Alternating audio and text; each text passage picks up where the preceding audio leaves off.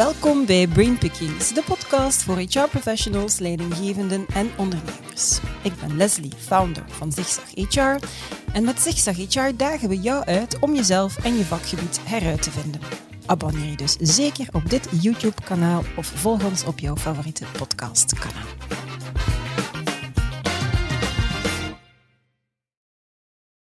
Elke vier jaar hebben in de Belgische ondernemingen de sociale verkiezingen plaats. Deze verkiezingen worden georganiseerd om de vertegenwoordigers van de werknemers aan te duiden in de inspraakorganen van ondernemingen. Met name de ondernemingsraad en het CPBW, dus het Comité voor Preventie en Bescherming op het Werk.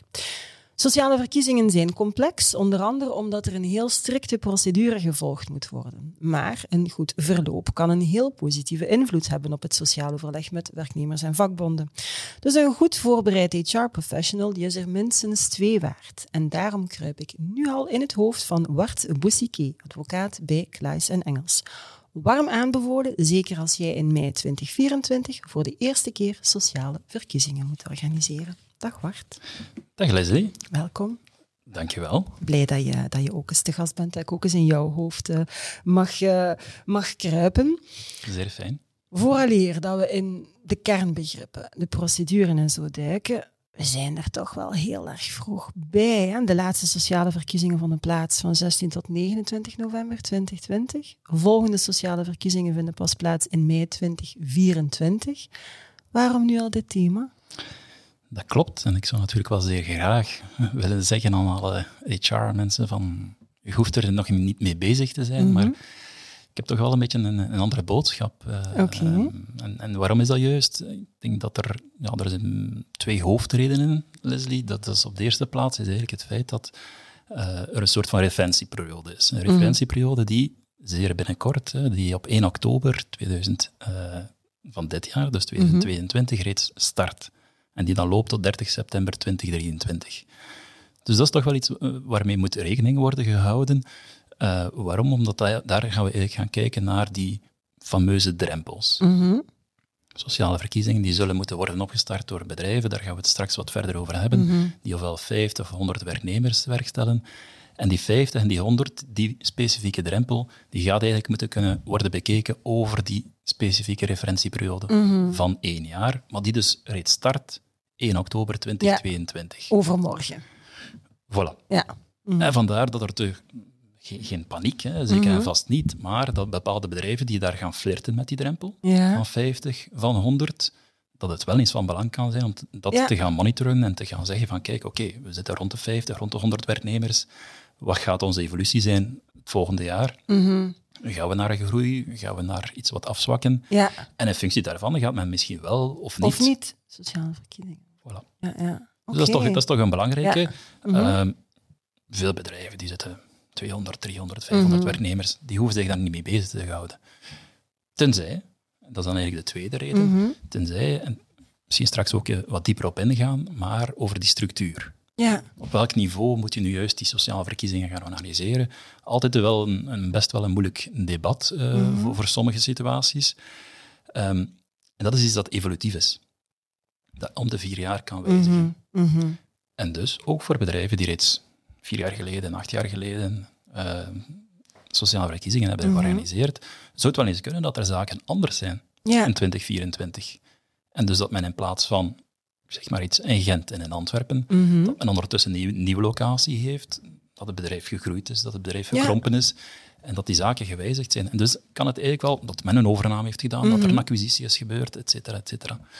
Bedrijven veranderen heel snel. Ehm, en dus zou het wel eens kunnen dat, dat men dat anders, die structuur anders gaat moeten Mhm. gaan opzetten. En dat is iets, als men dat wenst te doen, dat men eigenlijk ook al in 2023 zeker zal moeten gaan bekijken en daarmee eigenlijk vandaag mee bezig mee zijn. bezig zijn. Hè? Ja. Ja. Ja, ja, Oké, dat zijn twee zeer goede redenen zelfs om eh, daar nu al eh, effectief op in te zetten. Ehm, waarom zijn sociale verkiezingen zo belangrijk? Dat is niet alleen een verplicht nummertje. Waarom? Wat is, wat is de essentie daar eigenlijk van? Toch nog belangrijk om even aan te geven. Hè? Ja, en, en daar kan je heel veel redenen voor opgeven, denk ik. Maar eigenlijk, de essentie, ja, als, als je mij die vraag stelt, waarom zijn sociale verkiezingen belangrijk? Dat is, dat is zoals vragen, waarom, waarom is democratie belangrijk? Mhm, mhm. Want, want dat is het. Ja. Sociale verkiezingen, dat is democratie binnen een onderneming. Dat is zorgen voor medezeggenschap, voor inspraak, uh, voor overleg binnen een organisatie. Overleg die echt wel in heel veel uh, situaties nodig is. Mhm. ja, dus die sociale overlegorganen, ondernemingsraad en dan dat comité voor preventie en bescherming op het werk, die hebben echt wel belangrijke rollen. Uh, ondernemingsraad, hè, dat gaat dan vooral over economische, financiële, sociale informatie. Kwiet met de werkstelling, kwiet met onze evolutie, zijn we goed bezig als bedrijf of niet? Hè, dat men daar ook overleg over heeft met, met, uh, met de personeelsvertegenwoordigers. Het preventiecomité, zoals de naam het zelf zegt, dat gaat puur over gezondheid, over welzijn. Mm Thema's die ook zeer hoog op de Ja. agenda staan, onder andere ook in de War for Talent. En ja, dan heb je er toch als bedrijf ook wel belang bij dat je daar een klankbord hebt. Mhm. Te weten Ja. ook, hè, als er nieuwe projecten zijn, dan ga je die eigenlijk eerst gaan voorleggen aan een ondernemingsraad of aan het comité, naar gelang de bevoegdheid. Mhm. En, en dan kunnen zij dienen als klankbord. Ja, ja. Om te weten, is dat een project, is dat een goed project, is dat een minder goed project? Dus Zijn zit het opmerkingen op, voordat ja. het wordt uitgerold naar het personeel toe. Ja, ja. Oké. Ja, lijkt me inderdaad. Je hebt het, je hebt het essentie samengevat. het is een democratisch gegeven. Hè. Als, je, als we zeggen dat mensen inspraak moeten hebben en zich gehoord willen voelen, ja, dan is dit effectief een, een zeer eh, juiste manier om, om, om, ehm, om dat te doen, om daarnaar te kijken. Ehm, je verwees er daarnet al een stukje over, hè, van niet alle ondernemingen, eh, voor sommige ondernemingen is dat al jaar en dag gangbaar, maar niet alle. Ik ga het anders zeggen. Welke ondernemingen moeten sociale verkiezingen organiseren? Zijn er ondernemingen die daarvan vrijgesteld zijn? De belangrijkste factor zal die drempel zijn, Mhm. de werkstellingsdrempel. Eh, Maar misschien op de eerste plaats, eigenlijk geldt het voor alle soorten bedrijven, in de zin van profit of non-profit, Mhm. eh, VZW's, scholen bijvoorbeeld, ziekenhuizen, die kunnen daar allemaal onder vallen. Die moeten ook allemaal sociale verkiezingen organiseren als ze aan die tewerkstellingsdrempels eh, voldoen. Er is enkel een uitzondering voor publieke sector. Mhm. Als men een eigen syndicaal statuut heeft, noemt men dat, dan valt men daar niet onder. Maar alle andere soorten bedrijven, profit, non-profit, die vallen daar allemaal onder. Mhm. En is er iemand uitgesloten? Nee. De enige eh, criterium dat je gaat moeten bekijken is, voldoet die onderneming aan die drempel van 50 werknemers? Dan ga je moeten een procedure opstarten voor het comité. Mhm.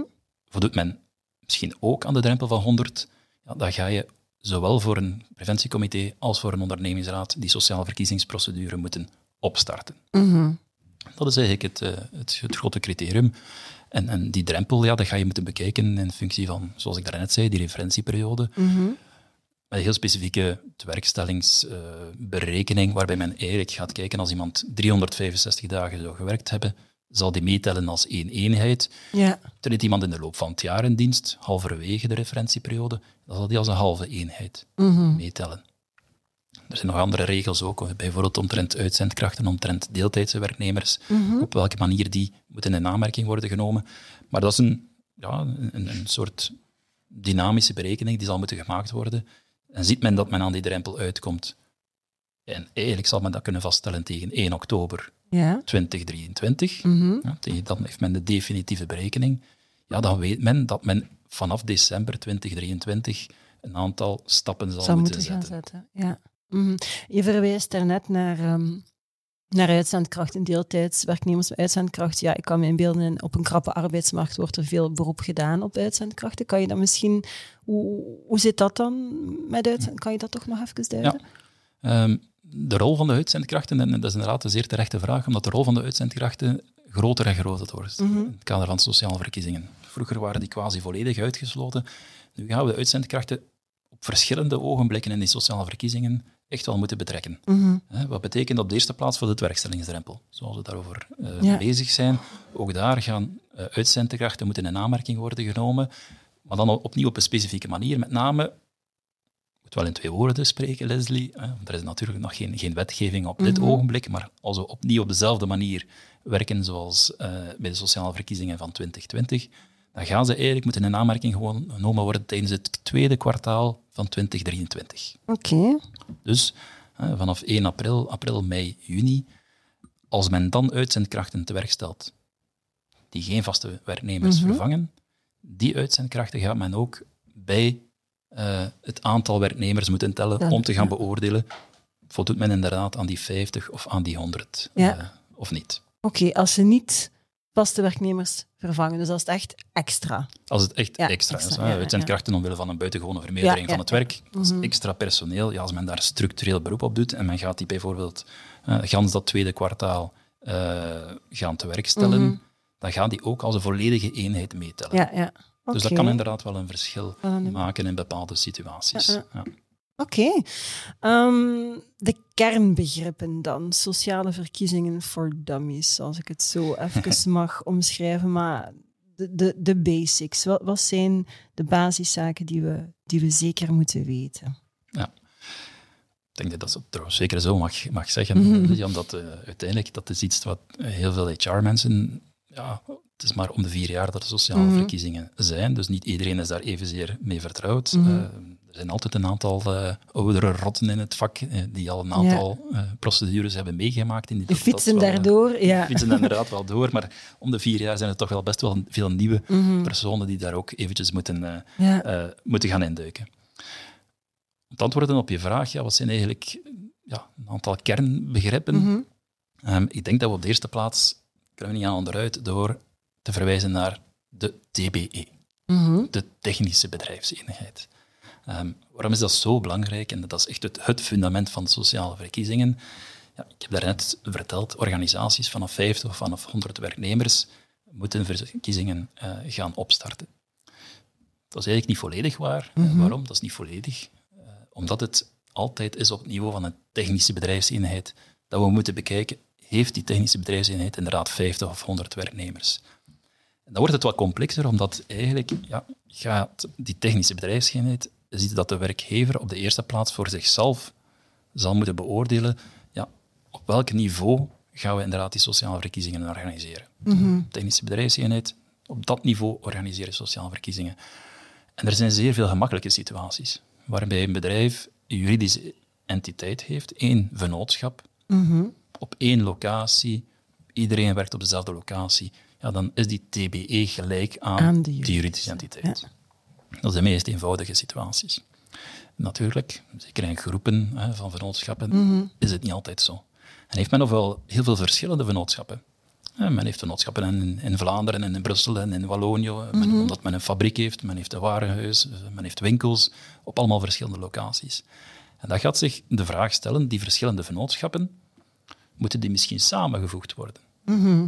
Of op regionaal niveau, bijvoorbeeld de vennootschappen in Vlaanderen en dan de vennootschappen in, in Wallonië. Of nog eh, een andere situatie is, we hebben misschien maar één juridische entiteit, maar we hebben effectief verschillende vestigingen. Mhm. Een mooi voorbeeld is ook altijd de winkelketen natuurlijk. Ja. Dat kan misschien één vennootschap zijn, maar met 30, 40 vestigingen Ja, over gans België verspreid. die elk minder dan 50 medewerkers zouden Elk minder hebben. of elk meer. Ja. En dan zal de vraag zijn, hebben ze meer dan 50 werknemers? Ja, moet dan Ja. elk Mhm. vestiging als een eilandje worden aanzien? En moet op niveau van elke vestiging sociale verkiezingen worden georganiseerd? Of hebben die minder dan 50? Ja, dan ga je die inderdaad moeten groeperen. Ja. Dus er zijn een aantal mechanismen, ook in de wet, ook ten aanzien van vakbond en werknemers, Mhm. kunnen eigenlijk een wettelijk vermoeden inroepen om te gaan zeggen, ah, de werkgever heeft allemaal vennootschappen gecreëerd met minder dan 50 werknemers. Ja, die vliegen gaat uiteraard niet op. Want We gaan die proberen ja, ja, samen ja, te voegen. Mhm. Dus daar is wel, wel een mechanisme voor ehm, voorzien.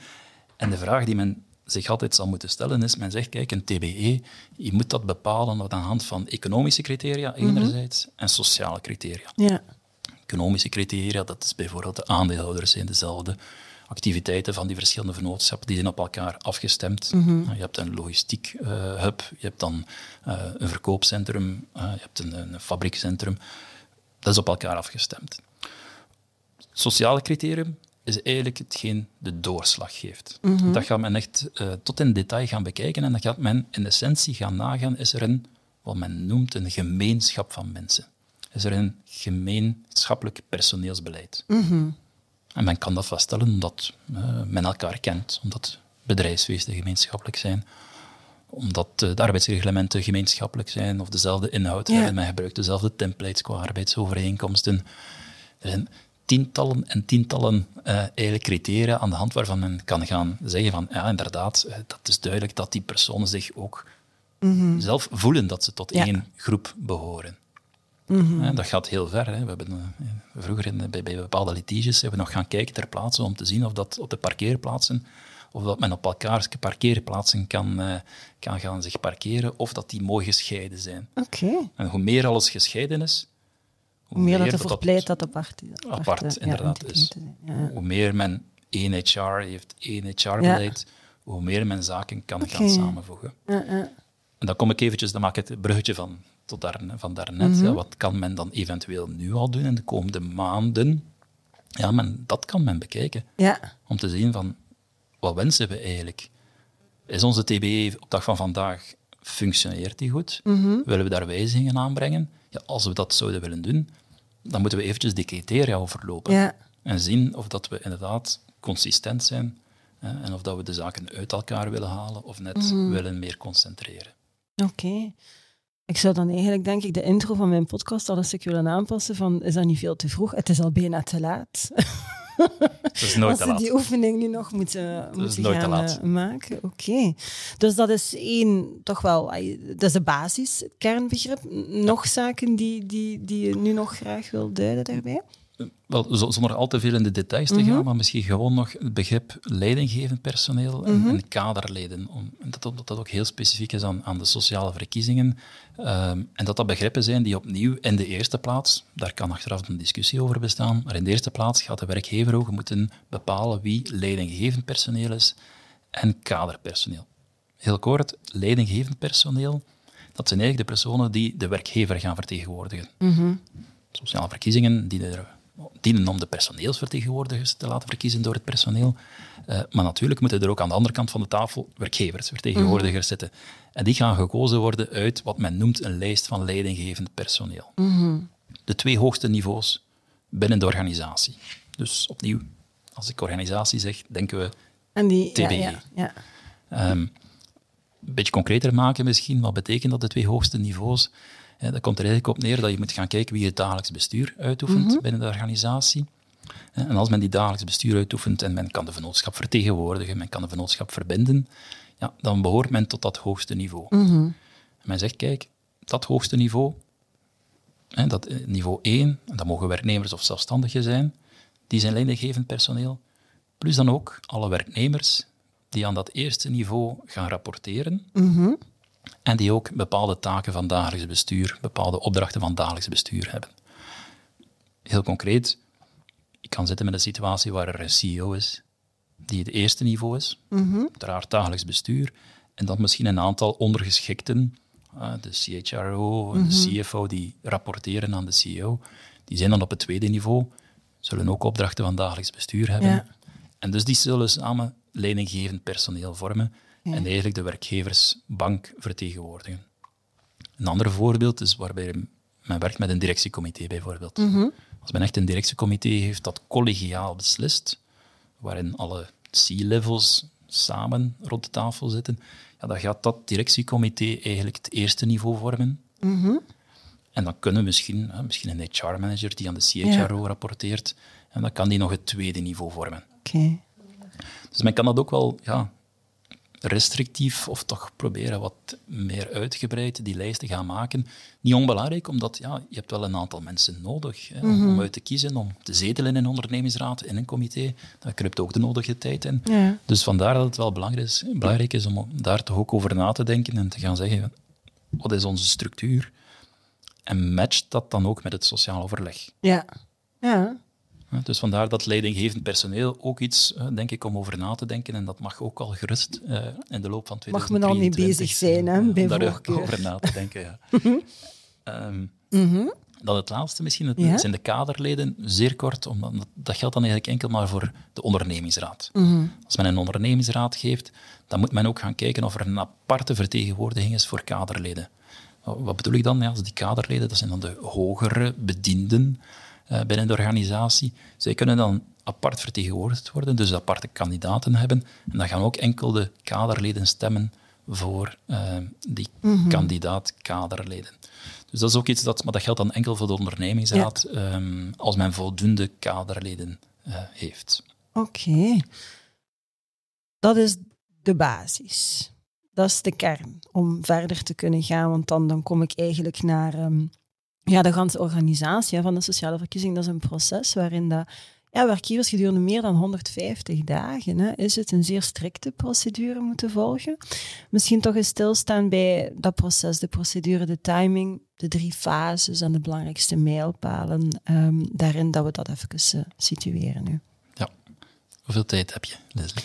Goh, de ganse podcast duurde een half uur, dus we zullen het toch vrij beknopt moeten. Maar dat was zo het globale. Ik denk, mensen, als ze enkel met deze podcast gaan starten, en de, de bedoeling is als ze getriggerd worden om er nu mee te beginnen. Hè?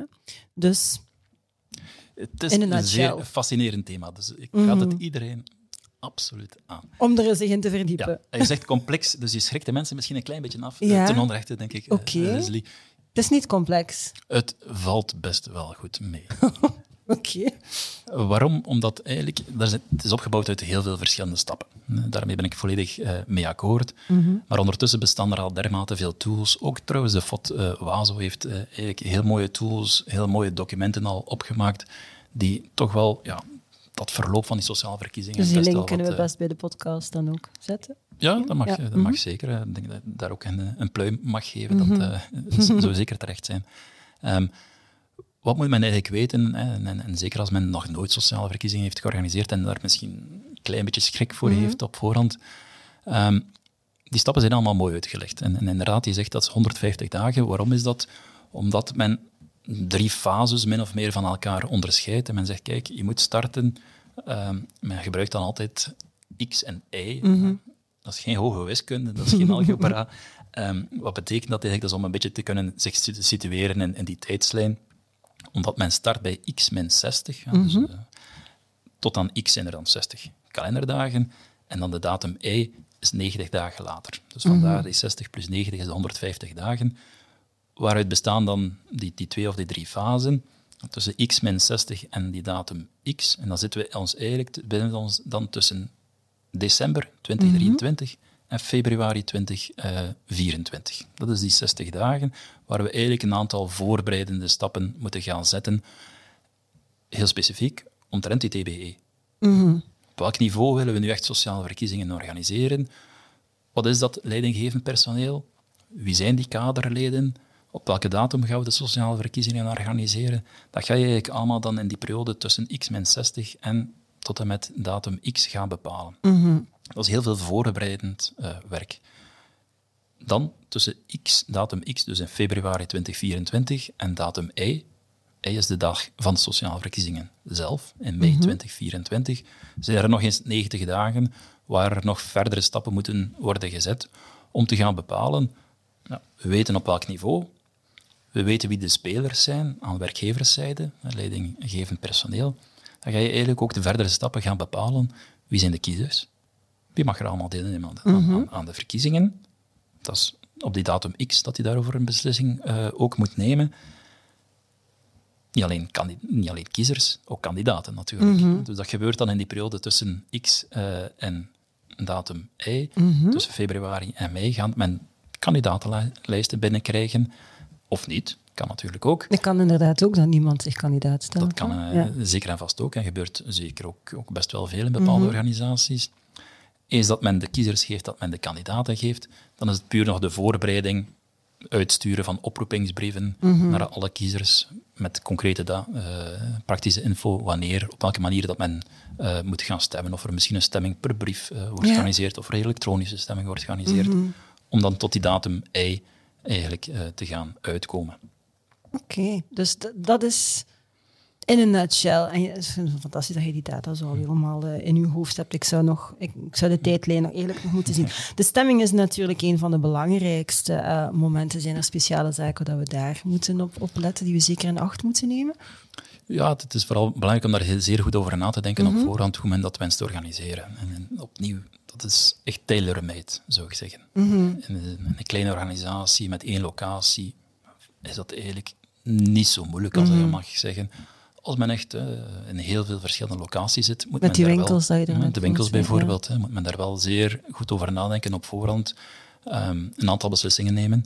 Hoe gaan we dat organiseren? Willen we een stemming per brief organiseren? Dat kan in bepaalde situaties waarbij je alles opstuurt per post en, en de werknemers eigenlijk alles terug sturen per post. Dat kan in een aantal situaties. Elektronische stemming. Dat is iets wat men ook voorbij sociale verkiezingen uh, toch wel hard heeft gepromoot. Door corona, uiteraard. Ja, Uiteraard heeft dat daar ook wel veel mee te maken. Um, en men heeft eigenlijk sinds de laatste sociale verkiezingen ook voorzien dat uh, men dat ook vanop de eigen werkpost, dus vanop het eigen bureau, uh, kan gaan stemmen. Wat vroeger niet mogelijk was. Je kon mm -hmm. enkel in, met een computer en in een stemhokje stemmen. sinds de vorige sociale verkiezingen kan dat ook gewoon vanop de laptop, als de nodige waarborgen daarvoor voorzien zijn. Dus dat zijn zaken waar men nooit over nadenken. Is dat mhm. iets dat we willen doen? Willen we dan die kosten daar ook voor dragen? Willen we dat op die manier organiseren? Want het is toch ook veel efficiënter om, om op die manier te gaan, te gaan doen. Waarschijnlijk een grotere participatiegraad. Mhm. um, dus dat zijn toch, toch heel wat ja, punten om over na te denken. Ook gewoon de uren van de stembureaus. Mhm. Ja. Wanneer gaan die open? Hoe lang moeten die open blijven? We moeten er zo kunnen voor zorgen dat iedereen eh, de gelegenheid heeft om te gaan stemmen. Ja. Dus daar komt wel wat praktisch uh, redeneervermogen bij uh, aan te passen. Ja. Oké. Waar we het zeker ook moeten over hebben is uh, de ontslagbescherming en de occulte periode. Personeelsafgevaardigden die verkozen zijn in de ondernemingsraad of in het um, comité zijn beschermd tegen ontslag. En dat geldt ook voor de niet verkozen kandidaten. Heel concreet, wat zijn dan de mogelijke gevolgen voor werkgevers? qua, gevolgen, en zoals je zeer terecht stelt, je moet echt wel gaan kijken naar um, iedereen die is opgekomen in het kader van de sociale verkiezingen. Mhm. Verkozen, niet verkozen, ook de kandidaten. Uh, betekent dat dus, ze zijn allemaal beschermd tegen, tegen ontslag. Um, en, en uiteraard een zeer, zeer terechte bescherming ook uh, tegen ontslag, waarbij men eigenlijk zegt uh, dat gedurende de volgende vier jaar, dus tot, aan, tot en met de volgende sociale mhm. verkiezingen, men beschermd is en blijft. Ja. Zodat men zich vrij kan uiten, dat men daar geen represailles moet, ja, hoeft te verwachten uh, vanwege de werkgever, als, als men inderdaad op de barricade gaat staan. Mm Waaruit bestaat die ontslagbescherming? Eigenlijk uit ja, twee delen in de zin dat uh, een werkgever nog steeds mag overgaan tot ontslag, maar mm die mogelijkheid is beperkt, heel beperkt tot twee situaties. Ofwel heeft men een situatie van economische, technische redenen. Mhm. Het gaat echt slecht met de onderneming. Men moet misschien een herstructurering doorvoeren of een collectief ontslag, een sluiting. Ja, in zo'n situatie kan men overgaan tot ontslag. En vervalt die bescherming? En vervalt die bescherming. Ja. Blijft het natuurlijk hè, de, de, gewone opzeggingsvergoeding bijvoorbeeld, die, mhm. moet, uh, die moet betaald worden. Dus dat bestaat, alleen moet men daar altijd een voorafgaandelijke procedure voor volgen. Ja. En men gaat via het paritaire comité moeten proberen die opheffing van de bescherming te bekomen. Mhm. Lukt dat niet, dan mag men eigenlijk niet overgaan tot ontslag, tenzij dat we spreken over een sluiting. Een sluiting van een afdeling, een sluiting van een onderneming. Heel drastisch. Heel drastisch. Mhm. Dan kan men toch nog, zonder die beschermingsvergoeding te moeten betalen, overgaan tot ontslag. Of men kan nog naar de rechtbank stappen. En die we te maken hebben met het ontslag van een specifieke categorie van, van werknemers. Ja kan men vragen aan de rechtbank, erkent dit? En als de rechtbank het erkent, dan kan men toch overgaan tot ontslag. Mhm. Dus niet zo, ja, niet zo evident om, om, om over te gaan tot ontslag in die situatie. En de enige andere mogelijkheid naast die economische redenen is een dringende reden. Mm een ontslag om dringende reden, maar ook opnieuw via het volgen van een voorafgaandelijke procedure voor de arbeidsrechtbank, waarbij de arbeidsrechtbank eerst moet erkennen dat het inderdaad een ontslag dat het dringende redenen zijn, dat die aangetoond zijn, dat die voldoende zwaarwichtig zijn. En dan pas zal men kunnen overgaan tot het ontslag om dringende reden van die, van die werknemer. Oké, dus lang, moeilijk, duur. Ja, en, en wat onvoorspelbaar soms. En onvoorspelbaar. Ja. Maar ik meen mij te herinneren, um, dat zal dan anderhalf jaar geleden zijn of zo, um, heb ik het uh, met uh, met uh, Olivier Wouters ook al eens gehad over de sociale verkiezingen. En ik denk dat dat iets is wat jullie delen, zo de, de derde weg. Um, herinner ik me dat, dat hij het noemde, die wet op bescherming van personeel. Tuurlijk is dat belangrijk, maar die is misschien wel aan een, aan een update toe. Zeker als ik hoor wat je hier nu vertelt. Misschien toch nog wel zinvol om dat, om dat kort nog even te kaderen, wat dat die derde weg dan is. Hè. Klopt inderdaad. En, en dat is iets waar we toch al, al een, een tijdje voor aan het ijveren uh, zijn. Um, wat is eigenlijk de, de, de, achterliggende reden? er is weinig mensen die gaan ontkennen dat inderdaad dat die wet een zeer terechte bestaansreden heeft. Maar de vraag die wij ons stellen is, hoe komt het eigenlijk dat, ja, dat een werknemer die beschermd is en die zich kandidaat heeft gesteld, dat hij dan toch meer rechten heeft dan een normale werknemer? Mhm. In de zin dat een werknemer, of een werkgever tenminste, sorry, een werkgever die geconfronteerd wordt met een niet-performante werknemer, Mhm. die dan toevallig eh, kandidaat is geweest bij de sociale verkiezingen, op geen enkele manier afscheid kan nemen van die persoon zonder enfin, die hoge beschermingsvergoeding te moeten betalen. En we zien dat toch in de praktijk echt wel veel. En, en- en dat zal niemand verwonderen. Niet iedereen is even performant, maar als dat echt jaren duurt en men zit daar met iemand die zwaar onder eh, eh, presteert, onder de verwachtingen, ten opzichte ook van de collega's, ja, dat zal nooit een economische, Nee. technische reden zijn. Uiteraard is dat ook geen dringende reden. En dus zit men eigenlijk met een situatie Ja, ja. waarbij een werkgever gefrustreerd raakt, enerzijds, en waarbij een werknemer ook niet verder gemotiveerd zal zijn, want die dat hij ook niet mee kan eh, met de rest, maar daar wel zit en op zijn plaats zal blijven Mhm. zitten. Want ja, laten we eerlijk zijn, om, eh, er gaat niemand, eh, of, of dat quasi niemand zelf ontslag nemen in zo'n situatie. Nee, nee, klopt. Dus een heel moeilijke situatie. Eh, niet fijn ook niet ten aanzien van de collega's. Mhm. Die zeggen van, ja, wij moeten wel performant zijn. En, Ja. en dan zit daar naast ons iemand hè, Ja. die eigenlijk echt ja, zijn voeten eraan veegt. dat inderdaad eh, ja. In een extreme situatie. eh, je altijd, je kan er altijd debat over voeren. Maar dat is eigenlijk een beetje de vraag die we ons stellen. Waarom zou er niet even goed de procedure kunnen voorzien worden? Al dan niet via de rechtbank. Ja. Waarbij men inderdaad zegt, kijk, dit is eenvoudigweg iemand die objectief niet meer past in de organisatie. Mhm. Ja. Maar dat ga je dus ook wel moeten aantonen natuurlijk. Uiteraard, Ja, dat. Mhm. spreekt voor zich, maar dat geldt ook voor andere beschermingen. Inderdaad. Mhm. Denk aan iemand die tijdskrediet heeft aangevraagd, eh, de moederschapsbescherming. Ook daar is een systeem voorzien dat de werkgever de verplichting heeft om dat te kunnen aantonen, dat de reden dat het niets te maken heeft met moederschapsverlof, met tijdskrediet, etc. Mhm. Kan men dat niet aantonen, ja, dan zal de werkgever daarvoor moeten een bepaalde sanctie be- Ja. betalen. betalen. Oké. Ehm, om af te sluiten dan misschien. Zijn er zo bepaalde tendensen dat je vaststelt sinds de eerste keer dat de sociale verkiezingen georganiseerd werden? Wanneer was dat eigenlijk, vraag ik me dan af, wil ik ook wel weten. En in welke mate leeft dat echt op een positieve manier bij organisaties? Misschien eerst, wanneer werd dat voor het eerst georganiseerd? Ik heb me niet goed voorbereid, ik weet het niet. Ver, ver voor mijn tijd. nee, in- weet in- goed, ja. Ja, in, in ehm, 1950. Dat is Oké, eh, ja. ja. er is een bepaalde Ja. Mhm. wetgeving is van 48. Eerste, voor de ondernemingsraad is dat sinds 1950 zijn er sociale verkiezingen. Quasi steeds om de vier jaar. Ik denk dat het één of twee maal eh, vijf jaar heeft geduurd, Ja. om bepaalde redenen. Ja, Dus we zitten wellicht al aan onze, zo moeten tellen, 19, 20, ja. mm, ja, 19 sociale Ge- Geen verkiezingen. idee, jong. Ja. Wiskunde en, en dat is mijn ding Het gaan mijn, mijn vijfde sociale verkiezingen zijn, denk ik, als, eh, oké. als advocaat. Zie je op die vijf jaar dan al bepaalde tendensen? Kan je dat tendensen noemen of, of zie je daar eigenlijk weinig evolutie in? Er zijn best wel een aantal tendensen. En, en, eh, als je dat bekijkt, enerzijds op wetgevend eh, vlak gaat men toch ja, dat proberen verder te ontwikkelen. Eh, Om de vier jaar gaat er wel een aantal wijzigingen zijn. Ik, ik denk aan die elektronische stemming, dat toch wel iets is dat, dat ja, zeer, zeer nuttig is in, de, in de praktijk. We denken aan de uitzendkrachten. Eh, ik heb het daarnet nog niet gezegd, we hebben daar gesproken over de, de drempel, maar uitzendkrachten mogen sinds de vorige sociale verkiezingen eventueel ook stemmen in een bedrijf waar ze eh, op dat moment te werk gesteld zijn. Er moeten een aantal voorwaarden vervuld Ja. zijn. Het moet echt gaan over ja, quasi-structurele uitzendkrachten. Eh, maar dan hebben ze ook de mogelijkheid om zelf deel te nemen aan, aan de sociale verkiezingen. Wat toch ook, denk ik, een, eh, een positieve vooruitgang Ja. eh, is.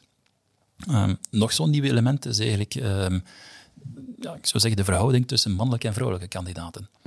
Ja, men heeft ook daar in de, in de wetgeving gezegd van kijk, de bedoeling dat het zo representatief mogelijk is. En, en moeten wij ook eventueel, het is uiteraard maar een aanbeveling, proberen ervoor te zorgen dat er wat pariteit is tussen vrouwelijke en mannelijke kandidaten.